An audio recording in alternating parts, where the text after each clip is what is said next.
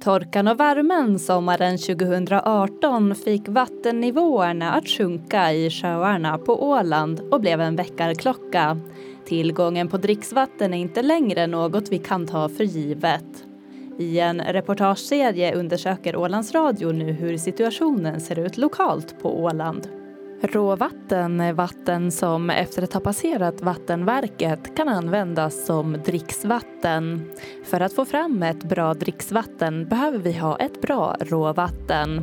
För att kunna leverera dricksvatten av livsmedelskvalitet krävs både god tillgång på vatten och bra kvalitet på råvattnet. Här i del två av Ålands Radios reportageserie ska vi kolla vad som görs för att skydda de sjöar som majoriteten av det åländska råvattnet tas från. För som vi hörde i det första avsnittet finns flera utmaningar. God ekologisk status är ett mål som egentligen redan borde vara uppnått för att följa EUs vattendirektiv. Men endast två av sju sjöar som vattenbolag tar råvatten från har god ekologisk status idag. Övergödning är det största problemet orsakat av kväve och fosfor. Den största belastningskällan av kväve utgörs av så kallad atmosfärisk deposition varav större delen tillförs från områden utanför Åland. Även så kallad intern belastning, det vill säga läckage av näring från bottnar, har betydelse. När det kommer till fosfor är det lantbruket som står för en stor del. Ålands vattens råvattentäkter, Långsjön och Markusbölefjärden var kraftigt övergödda i början på 1980-talet och för att åtgärda den interna belastningen i sjöarna satsade man stora summor pengar på maskiner som syresatte sjöarna. I slutet av 80-talet bedömde man att syresättningen i sjöarna åter var acceptabel och på grund av de höga driftskostnaderna slutade man då med den artificiella syresättningen. Fram till 2005 hölls vattenkvaliteten på en hyfsad nivå. Men sedan dess har Ålands vatten sett en stadig ökning av organiskt material som främst är det som man tar bort i reningsprocessen. Våra stora vattentäkter, Långsjön och Markusbölefjärden, där ska man ligga med ett medelvärde på ungefär 20 mikrogram fosfor per liter vatten och vi har idag 50. Så det är betydligt högre halter än vad det ska vara egentligen för att ett sjön ska må bra. Christian Nordas är vd på Ålands Vatten. I ett mejl skriver han till mig. Idag klarar vi att rena det övergödda råvattnet till en rimlig kostnad men vi närmar oss en situation där två av tre dricksvattentäkter kan drabbas av en ekologisk kollaps med risk för bland annat att syrefritt vatten leds in i vattenreningsanläggningen och att mängden blågröna alger, så kallade cyanobakterier, ökar. Och bakterierna kan under vissa omständigheter producera algifter som blir betydligt tuffare att rena. I en sån situation blir det det en annan kostnadsbild vad gäller vattenreningen. När jag träffar Christian Nordas pekar han på att den höga externa belastningen av framförallt fosfor behöver åtgärdas. Det vi behöver göra är att minska utsläpp från åkrar framför allt. Då. Att man ska använda näringen där den, där den behövs och det är vid odlingen och inte släppa ut den i vattendragen. Och vi vill ju då, det gör vi genom olika samarbetsprojekt, och titta på åtgärder som kan binda upp fosforn före den når sjön. Samarbeten med jordbrukarna? Jo, alltså det är ju så att den här rapporten då utmynnar i ungefär tio hotspots. Och vi håller på att beta av dem punkt för punkt och det betyder ju då att vi först diskuterar med respektive markägare och ger förslag på åtgärder. Och tillsammans sätter vi oss ner. Vad kan vi göra? Vad finns det för möjligheter? Och vi har nu två, två av de här hotspotsen på gång. Det ska byggas en våtmark söder om Stallhagen, Stallhagaträsk. Vi ska bygga och planera en våtmark södra delen av Långsjön. Och just den här våtmarken, eller bassängen eller vad man nu kallar det då, som ska byggas söder om Långsjön är mycket viktig eftersom 40 procent av alla näringsutsläpp till sjön kommer via det dikessystemet. Det vi har gjort är att i våras samlade vi berörda markägare till en information. Sen gick vi under våren och sommaren i marken och tittade vad kan vi göra och vi hade då sakkunniga med som, som gav förslag på åtgärder. Nu väntar vi bara på att vi ska kunna visa någonting konkret att det här ska vi göra Och det ska vi sen förhandla med markägarna om. Jag upplever att vi har liksom en positiv signal från, från alla berörda. Men det här bygger på frivillighet från markägarna då? Det bygger på frivillighet, absolut. Men det bygger också på att det är Ålands Vatten som bekostar åtgärderna som görs. Och det är ju också en vinn-situation för den enskilde markägaren, för du får ju, om du bor vid en sjö som, inte, som ser igenväxt ut och där man inte kan simma, så det är ingen trevlig miljö. Nu kan vi tillsammans åstadkomma en åtgärder som på sikt leder till att vi får en bättre miljö för de som bor vid sjön. Borde mer ansvar läggas direkt på markägarna? Det ska vara generella regler som gäller hur man ska hantera sina markområden. Jag tror liksom inte på liksom att man liksom hamnar i konfliktsituationer, utan det ska vara en win-win situation där man eh, från samhällets sida och från vattenbolagets sida värderar vad är värdet av att ha ett bra vattentäkt. Och vad är liksom, genom konflikt når vi inte framgång utan det ska lösas genom ett gott samarbete. Och eh, vissa saker har man möjlighet att diskutera. Det kan till exempel vara sådana saker att vilka grödor ska du odla i närmast, de åkrar som är närmast vattentäkten. Du kanske inte ska odla de mest in, växtintensiva grödorna. Typ ett exempel, det är skillnad om man har en åker med vall eller om du har en åker med potatis kring en, nära en vattentäkt eller ett stort dike som leder ner till en vattentäkt. Det är sådana diskussioner som vi för och försöker titta på. Samarbete, frivillighet och diskussioner är alltså ledorden när Ålands Vatten nu har inlett åtgärder för att minska näringstillförseln från jordbruket. Enligt EUs vattendirektiv ska alla råvattentäkter ha skyddsområden. Det handlar om att förebygga så att vattnet inte blir förorenat och att om olyckan ändå skulle vara framme att man hinner begränsa skadan. Vattenskyddsområdena är uppdelade i zoner. Särskilt starkt ska skyddet vara i området närmast sjön och runt diken som rinner ut i sjön. Det här kallas den primära zonen och här ska man sätta in skyddsåtgärder och förebyggande åtgärder genom så kallade föreskrifter, alltså regler. Men det är bara Ålandsvattens råvattentäkter, Dalkarbyträsk, Marcusbölefjärden och Långsjön och deras tillrinningsområden som har skyddsområden på Åland idag. Vattenskyddsområdena inrättades 1988 genom ett utslag från Västra Finlands vattendomstol och utslaget var inte okontroversiellt bland markägare och Finström och Jomala kommun. Men Ålands vatten såg skyddsområdena som ett sätt att förbättra den undermåliga vattenkvaliteten. Det handlar bland annat om att man inte får köra med motorbåt på Dalkarbyträsk, att man inte får lagra större mängder svämgödsel och bränslen inom skyddsområdet, att avloppssystem ska vara slutna, att ytgödsel omedelbart ska myllas ned om det är närmare än 100 meter från stranden och att tidpunkterna man får sprida konstgödsel regleras. Utslaget inkluderade också kartor med utmärkta diken där det på ett tre meter brett område räknat från från dikessläntens yttre kant är förbjudet att använda bekämpningsmedel mot skadedjur samt att bearbeta och gödsla marken. Permanent gräsvall och skörd av denna är dock tillåten inom skyddsrenarna. Men nya sidodiken får inte grävas. Ersättningar betalades ut till markägarna för de inskränkningar i nyttjanderätten som skyddsrenarna innebar i samband med utslaget. 31 år har gått och lagstiftningen har skärpts sedan dess. Bland annat genom nitratbeslutet som innehåller regler om hur gödsel ska hanteras för att begränsa utsläppen av näringsämnen, vattenlagen från 1996 och miljöskyddslagen.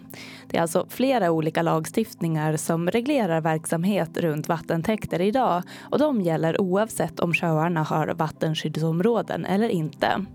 Vattenskyddsområden som instiftas idag handlar om att förstärka skyddet för råvattentäkten utöver de lagstadgade kraven som råder. Oskyddade är de åländska råvattentäkterna alltså inte, i alla fall inte på pappret. Men vem ansvarar för att reglerna följs? Ansvaret ligger på flera, säger Mikael Wenström som är vattenbiolog på landskapets miljöbyrå. Skyddsföreskrifter som finns för Ålands vattens vattentäkter, de som, som nu finns och har funnits sedan 20 år tillbaka. De, där, där, står det att där står det utskrivet i, i det, den, den vattenskyddsplanen att, att det är i första hand då OMHM och vattenbolaget som ska se till, man, man delar upp ansvaret mellan sig, att se till att föreskrifterna uppfylls. Men där vi också då har förtydligat då här under, för inte alltför länge sedan, att också landskapsregeringen och kommunerna har ett ansvar till vissa delar. Då. Eh, det, det, står i, i, i, lagen att eh, OMHM kan ge böter för sådana som, som bryter mot föreskrifter som har antagits med, med, enligt vattenlagen och det här, det här skulle vara sådana då. Sen finns det andra fall då där lite, lite mm, andra fall så kan, landskap, så kan OMHM göra polisanmälningar också. Eh, det, det, mm, där känner jag inte, där måste jag säga att där känner jag inte i detalj till vad som skulle vara det, det exakta gången i ett sånt här fall. Jag har inte varit med om det faktiskt. Vad, vad, vad, vad, eh, hur, hur, man ska göra i ett sånt här fall. Jag tror inte att det har inträffat. Jag känner inte till att det har inträffat något sånt fall när någon, någon, någon har brutit mot en vattenskyddsföreskrift på det sättet. Jag frågade Ålands miljö och hälsoskyddsmyndighets miljöskyddsinspektör Magnus Eriksson om myndigheten fått in anmälningar om brister i skyddet av råvattentäkterna. Eh, vi har ju klagomål kommer in på ganska bred front till oss när det gäller allt inom vårt område. Då har det varit enstaka händelser som har kommit till vår kännedom som har rört bland annat eh, nitrathantering, alltså gödselhantering i närheten av eh, vattentäkt. Det har varit intrång på skyddsområden som finns eh, närmast skyddsdiken. Eh, och så har det faktiskt varit vid ett tillfälle ett avfallsproblem som jag kan så här rakt av dra mig till minnes. Där det var eh, saker som inte ska finnas i marken som vi måste vidta åtgärder för att få åtgärdat. Då. Men i det stora hela så ska jag säga att skyddsområden runt våra täkter ser det bra ut. Alltså det, jag hoppas och tror att folk informerar oss eller meddelar oss om de hittar någonting som är tokigt i närheten av skyddsområden. För vi måste ju alla hjälpas åt att värna bort råvatten. Handlar det om eh, att Eh, jordbrukare har spridit då naturgödsel för nära diken? Ja, det, det är just sånt som det handlar om och sen att det har varit på, på sådana här eh, vattensjuka områden som det finns speciellt då krav i de här direktiven som finns i skyddsföreskrifterna. Men producentförbundets vd Henry Lindström, själv lantbrukare i Saltvik, anser också att Ålands vatten ibland haft sig själva att skylla när näringsläckage har skett från vattensjuka åkrar. Men i de fall där åkrarna faktiskt brukats i enlighet med rådande föreskrifter för vattenskyddsområden. Av olika orsaker så har vattennivåerna varit högre än, än eh, vad som eh, sagts när det gäller Eh, den nivå som Ålandsvatten har tillstånd till. Och, och, då, när åkrarna då översvämmas, så då sker det ju en, en utlakning av näringsämnen. Sen kan det ju vara eh, en förklaring då att, att det har varit mycket högre eh, vattennivåer utanför dammen. Så att för att förhindra vatt, eh, saltvatteninträngning så har man varit tvungen att göra det. Men det har fått den där effekten att du har fått en, en eh, utlakning av näringsämnen från, från åkrar som, som brukas enligt de tillstånd man har enligt vattendomstolen. Alltså du menar att eh, en del näringsläckage eh, har orsakats av Ålandsvattens egna åtgärder?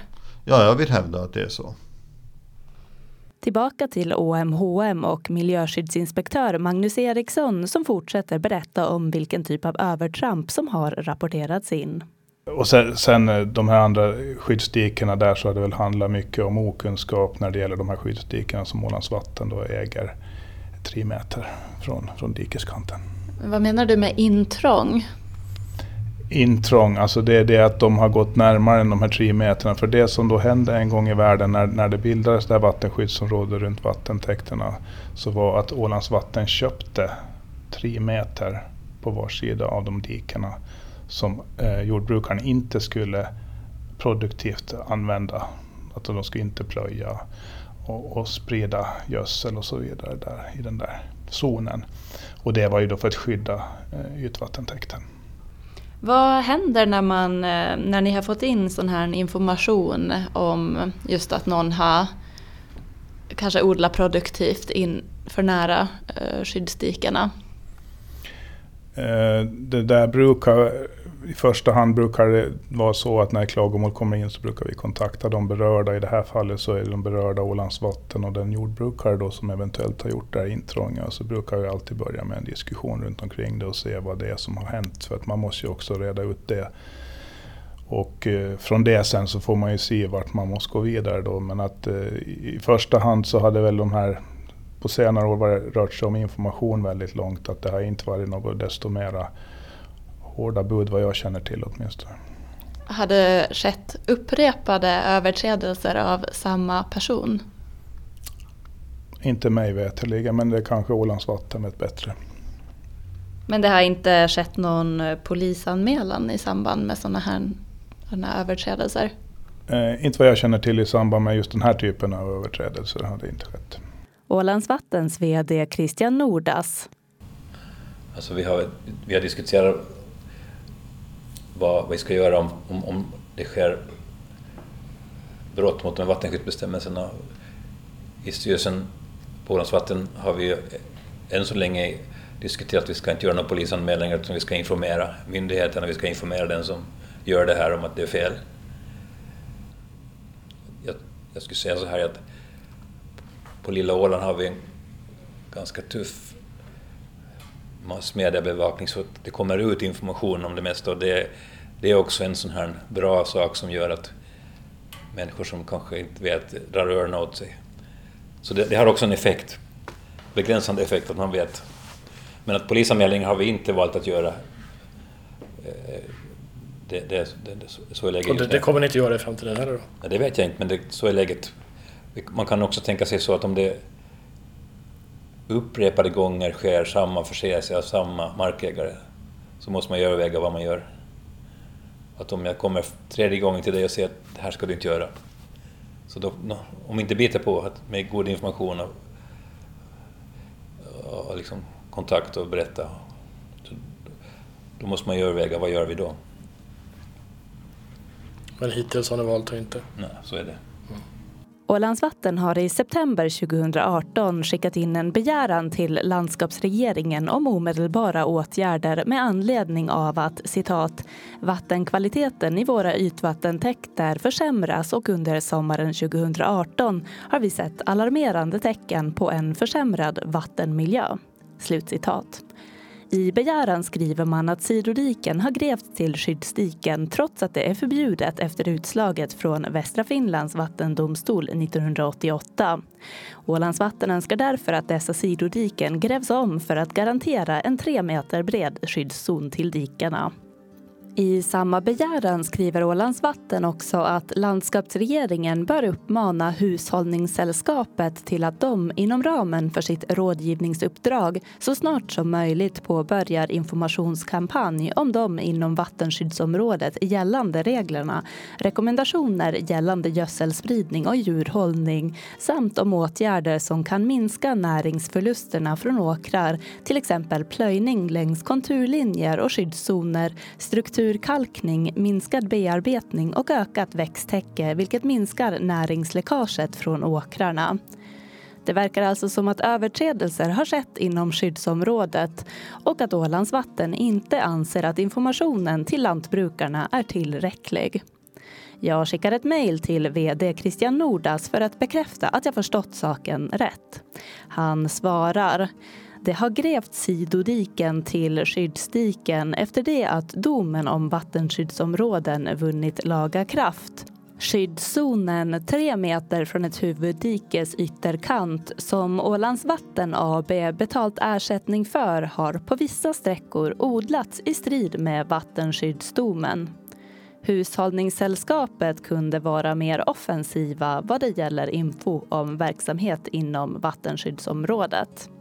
Dessutom tillägger Christian Nordas i mejlet sedan några år tillbaka har Ålands Vatten mer systematiskt följt upp vattenskyddsområdet och gällande bestämmelser för att reda ut vad som gäller och om bestämmelserna följts. Hur fungerar övervakningen och vem ansvarar för uppföljningen med mera? Vårt mål är inte att peka ut syndabockar utan att med information, samarbete med alla inblandade parter åstadkomma ett bättre vattenskydd än det vi har idag.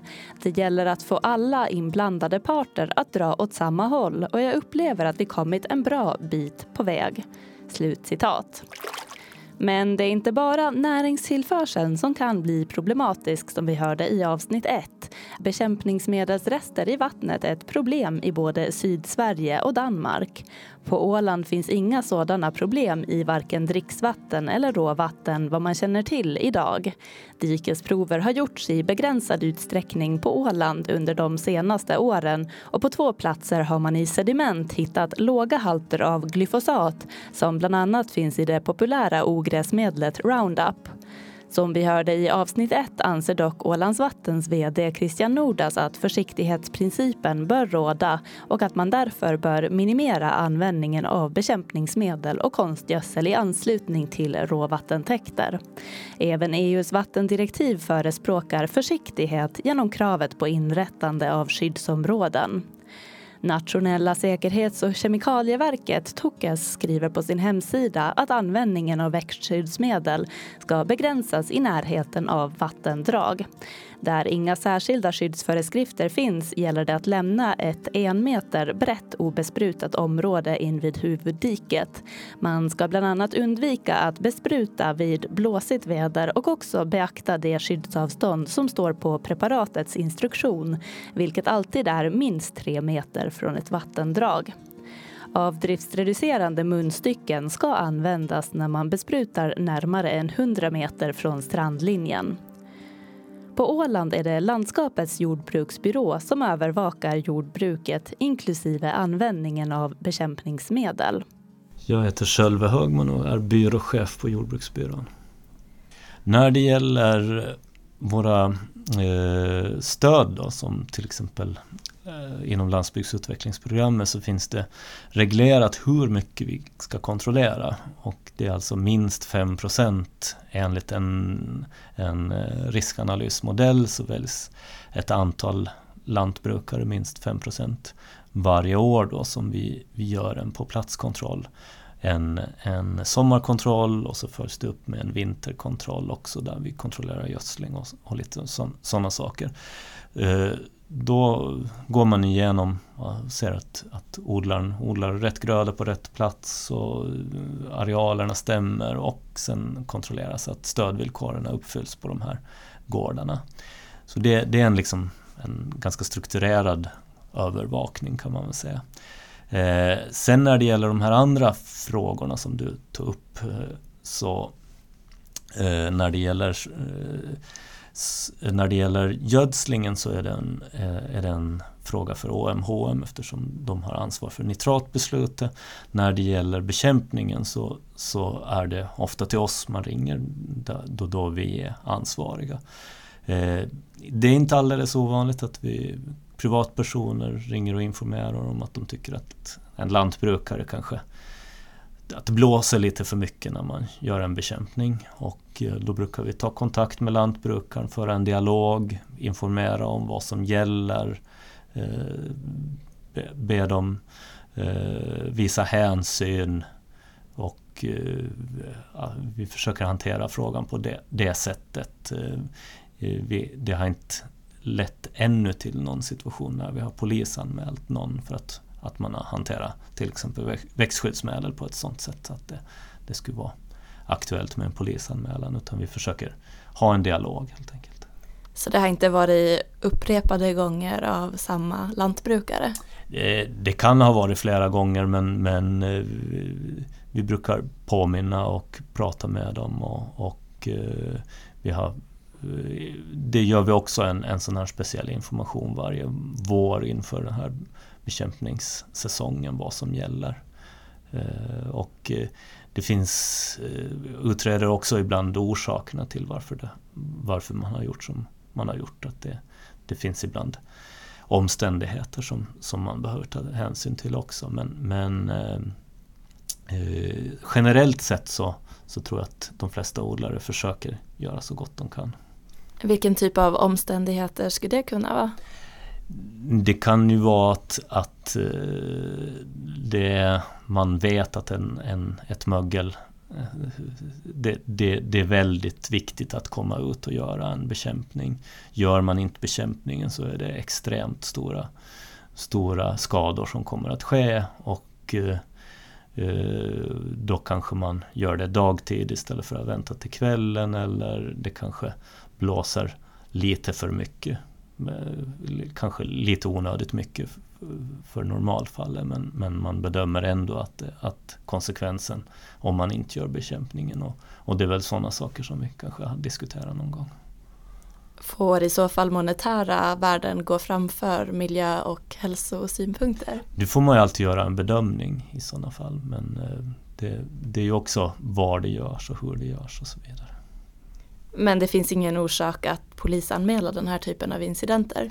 Vi har inte Eh, snubbla på någon sån incident ännu som vi har polisanmält, nej. Som har varit, som ni bedömer, tillräckligt allvarlig? Nej. Sölve Högman, chef på Jordbruksbyrån, klargör senare i ett mejl. Citat. Vad jag vet så har vi aldrig uppmärksammats på någon incident där man klart kan säga att odlare brutit mot lagen inom ett vattenskyddsområde. Jag konstaterade att det händer att privatpersoner ringer upp och uppmärksammar oss om odlare som sprutar på dagen eller när det blåser mycket och att vi hanterar det genom att ringa upp odlaren i fråga och har en dialog om saken samtidigt som vi informerar om vad som gäller och vikten av att man tar god hänsyn och följer de regler och riktlinjer som finns för hållbart växtskydd. Vi har aldrig tagit någon på så pass bar gärning där det är sådan oaktsamhet och uppsåtlighet att det skulle vara rimligt att göra en polisanmälan. Slutcitat. Informeras eh, lantbrukare på Åland om de regler eh, som gäller för att eh, skydda råvattentäkter? Det är ju så att det finns ju jordbruk och jordbruksadministration är ju den här byråkratin är ju ofta någonting som man beklagar sig över att det är ganska komplicerat och det är ju någonting man får ha förståelse för att det, det, dels är det stödregler, dels är det lagstiftning som styr verksamheten och det är inte alltid lätt att nå ut med all den här informationen. Eh, vi har ett sådant system att vi i samband med eh, ansökningstillfällena så alltså har vi informationstillfällen där vi muntligt går igenom vad som gäller för den kommande stödansökningsperioden. Och eh, sen finns det också ett eh, material då som vi hänvisar till, ett skriftligt material som finns på webb och, och, och också går att få utskrift eh, till, till utskrift som vi också en omgång har skickat ut till lantbrukarna när det gäller de här grundläggande stödvillkoren. Och i dem ingår också de här eh, vad ska man säga, grundläggande kraven då tvärvillkor och grundläggande krav när det gäller gödsling och bekämpningsmedelsanvändning, eh, skyddsavstånd och så vidare. Eh, där kompletterar vi sen med ett, eh, ett litet informationsblad som vi kallar för Jordbruksbyrån informerar som vi gör sådana här lite mm, inför vissa speciella tillfällen då till exempel stödansökningsomgången så poängterar vi det viktigaste. Vi påminner om, om saker som man ska komma ihåg gällande till exempel bekämpningar när det gäller eller speciella stödvillkor då för, för vår, våra olika stödprogram. Så, eh, vi har försökt bli betydligt aktivare kan man väl säga på, på den här eh, informationssidan. Sen försöker vi också komplettera ytterligare det här med lite information på sociala medier också. Då. Tidigare hölls det ju också en eh, kurs i samband med de här eh, programansökningarna. Ja, vid tidigare programperiod så fanns det en obligatorisk kurs då. Eh, den tror jag var bra men samtidigt så kom det en del kritik för att, att den just var obligatorisk. Det vill säga att man var dittvingad trots att man kanske kunde de här sakerna väldigt bra så måste man ändå gå den och då var det dyrt och bort, bortkastat med tid uppfattar många. Uh, nu finns det istället ett system med, med en gratis rådgivning, miljörådgivning som man kan få hos en, en auktoriserad rådgivare då som kan gå igenom alla de här delarna så att man, att man kan säkerställa till exempel att man gör rätt när det gäller eh, miljöåtaganden och, och just de här lagstiftningskraven som man ska uppfylla. Men det kräver alltså att man själv som eh, lantbrukare aktivt söker informationen? Det krävs att man vill, vill ha den här rådgivningen och beställer den så att säga. Men man behöver inte betala för den i alla fall. Görs det tillräckligt eh, för att eh, ja, jordbrukets övergödning ska minska? Ja, alltså medvetenheten om de här frågorna ökar ju hela tiden och Eh, jag uppfattar att man, man har liksom ett, ett eh, en avsikt att eh, förbättra situationen hela tiden eftersom eh, hela tanken med odlingen är ju att, att näringsämnena ska ju helst stanna kvar på åkern för då får man bäst användning av dem. Att ingen har intresse av att få näringsämnen ursköljda ur sin åker. Men det är också en kunskapsfråga att det här är någonting man blir bättre bättre bättre på, mer medveten vad man ska göra. Att det, det handlar ju också om andra saker, det vill säga att man kanske behöver förbättra markkvaliteten, bördigheten på sin åker och, och eh, det är lite mera i de banorna som, som diskussionen går nu, det vill säga att man ska, man ska liksom förbättra situationen på åkern snarare än kanske eh, titta på insatser där man fångar upp eh, näringsämnena i skyddszoner och, och minska gödslingen. Utan nu, nu, vill man, nu, nu jobbar man med bördighet och markkvalitet så att man ska kunna få en win-win situation med större skörd, bättre kvalitet på skörd samtidigt som man, man har en minskad, minskad belastning från jordbruket. Vad kan vara exempel på sådana åtgärder som ska öka bördigheten? Ja, det som pratas mycket om nu är ju de här kolbindande åtgärderna, det vill säga behåll, ha, ha fånggrödor, ha grönväxtlighet på, på åkrarna året runt eller så lång period som möjligt. Eh, olika bearbetningsmetoder som, som eh, är, är liksom bra för, för bördigheten och den typen av åtgärder. Eh, olika tekniker för att, att eh, förbättra upptag av, av eh, gödsel, kanske kompostering av naturgödsel istället för att bara köra ut eh, brunnen gödsel och den, den, typen av åtgärder. Så är ju väldigt, eh, väldigt aktuella just nu då. Nu och, och också i samband med, med eh, arbete med att, att klimatanpassa jordbruk. Både både ur ett eh, klimatperspektiv för jordbrukets del men också för ett kolbindningsperspektiv. Att, att liksom få klimatvinster genom jordbruk. Jordbruksbyrån Sölve Högman sa det. Men det är inte bara användningen av näringsämnen och kemikalier som kan regleras inom vattenskyddsområden.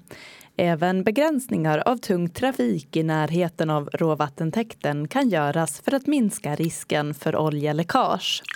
Ålands Vattens vd Christian Nordas vill att bolagets över 30 år gamla föreskrifter för vattenskyddsområden ska uppdateras eftersom de är föråldrade. En av uppdateringarna som behövs är just begränsningen av tung trafik på Jomalarakan längs med Dalkarbyträsk. Det blev man akut medveten om under extremsommaren 2018. Under förra året så hände två trafikolyckor i samband med att det var den här krisen, då, om vi säger så inom situationstecken, med att vi kunde inte ta, ta ut så mycket vatten ur Långsjön och Markusbellefjärden. Det var låga nivåer i sjöarna vårt tillstånd gav inte möjlighet att kunna ta mer vatten därifrån. Så vi var mer eller mindre beroende av det vatten som fanns i Dalkabyträsk. Och I samband med det då så hände det en gång att en stor lastbil körde diket med 400 liter dieselolja bara 50 meter från vattentäkten. Sen några veckor senare så körde en privatbil också utanför vägen. Inte lika mycket bränsle då, men i alla fall har man en 50 liter i en bil. Och det här räcker ju gott och väl till att förstöra vattentäkten för många, många månader. Eller under en lång, lång tid. Det var ju då som jag åtminstone blev mer och mer uppmärksammad på att det här är en sån här specifik sak som man borde ta upp. Som gäller just den här vattentäkten. Att, att försöka få bort den tunga trafiken som inte, som inte liksom måste gå här. Det, det, som måste gå här kan vara bussarna som kör till skolan, det kan vara att vi får lastbilar med kemikalier som behöver för vattenreningen och så vidare. Men någon uppdatering av föreskrifterna har ännu inte skett. En annan förändring som Ålands vatten vill se är att ytvattentäkterna får samma skydd som grundvattnet. Och i det här fallet ser det faktiskt ut som att Ålands vatten har haft framgång. Landskapsregeringen har nämligen lovat att fatta ett separat beslut i frågan. Bestämmelser om att, man ska tillämpa samma, samma, samma bestämmelser som vid grundvattenskydd intill vattentäkterna. Och det gäller då gödselhantering närheten av stränder och så vidare. Ja, det säger så här att inom, 30 meter från, på en gräns mellan 30 till 100 meter från en brunn eller en källa så ska, det, ska man inte ha betande djur och djurstallar och så vidare. Den, den regeln gäller inte en vattentäkt i en sjö. Men nu säger beslutet att man ska införa det på Åland. Det betyder då att kan inte djuren, då får inte djuren gå ner i dricksvattnet. Är det här någonting som, eh, som, som förekommer idag runt Ålands vattens... Det förekommer, ja. Vilka vattentäkter? Nej, det var till och med för något år sedan man hittade döda djur i, infrusna i vattentäkten. I eh, Långsjön eller Marcusböle? Nej, i en, en sjö som ligger intill Långsjön och Marcusbölefjärden. Där, där vattnet rinner ner till ner till Marcusbölefjärden. Så det var en av de här små sjöarna före men det är samma vatten som sitter ihop. Så det var i Slussfjärden. Så det här är alltså någonting som landskapsregeringen ska ta beslut om separat? Ja, ja. ja så uppfattar jag det eftersom det står skrivet här i det åtgärdsprogrammet som finns här. Inga fler döda kossor och ingen mer dynga i råvattentäkterna hoppas Ålands vatten nu att landskapsregeringens löfte ska innebära. Vi har kommit till slutet av del två av Ålands Radios reportageserie om dricksvattnet på Åland. Information och påminnelser när övertramp har uppdagats har hittills varit Ålands Vattens, OMHMs och Jordbruksbyråns melodi. Men frågan är om det räcker nu när man fått uppskov till 2027 för att uppnå god ekologisk status. Vattendirektivet kräver också skyddsområden, något som majoriteten av råvattentäkterna idag saknar. Och de befintliga har alltså föråldrade föreskrifter. Nio år har gått sedan landskapsregeringen beslutade att informera berörda markägare om att nya skyddsområden skulle inrättas. Varför har då skyddsområdena ännu inte kommit på plats? Det är temat för nästa avsnitt. Vi hörs då. Jag heter Rebecka Björkholm och jag har producerat det här programmet. Frippe Granlund har gjort en av intervjuerna med Ålands Vattens vd Christian Nordas. Ljud Magdalena Olin.